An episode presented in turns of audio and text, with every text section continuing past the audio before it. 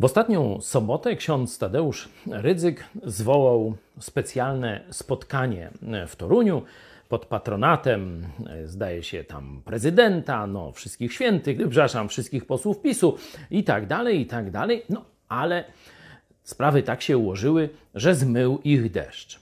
No, nie wytrzymał ksiądz Tadeusz i opieprzył Matkę Bożą, mówiąc: Matko Boża, obiecałaś pogodę! A tu co? Jajco. No przerąbane, tyle gości i tak dalej. Nie? Oczywiście możemy sobie dworować z tego, ale w tym momencie ksiądz Tadeusz dopuścił się strasznego bluźnierstwa. Otóż władza nad pogodą zarezerwowana jest wyłącznie dla Boga.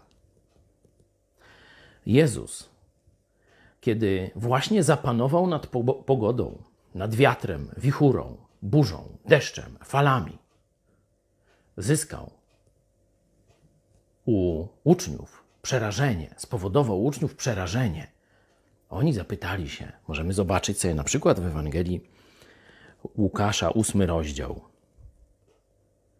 Oni zaś, przestraszywszy się, zdumiewali się i mówili jeden do drugiego: Któż to jest ten, że nawet wiatrom i wodzie rozkazuje i słuchają go? Dla apostołów władza nad pogodą była dowodem boskości Jezusa. Dlaczego?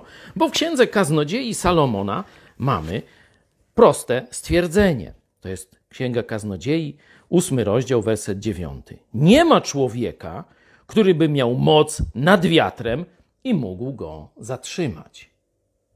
To może tylko Bóg. Jezus to zrobił. Jezus jest Bogiem.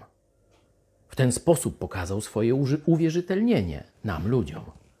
Ksiądz Tadeusz powiedział, że człowiek, Maria, ma taką moc. Zbluźnił, zwodzi ludzi. Smutne, bo kiedyś miałem przyjemność razem z nim głosić Ewangelię i wychwalać prawdziwego Chrystusa.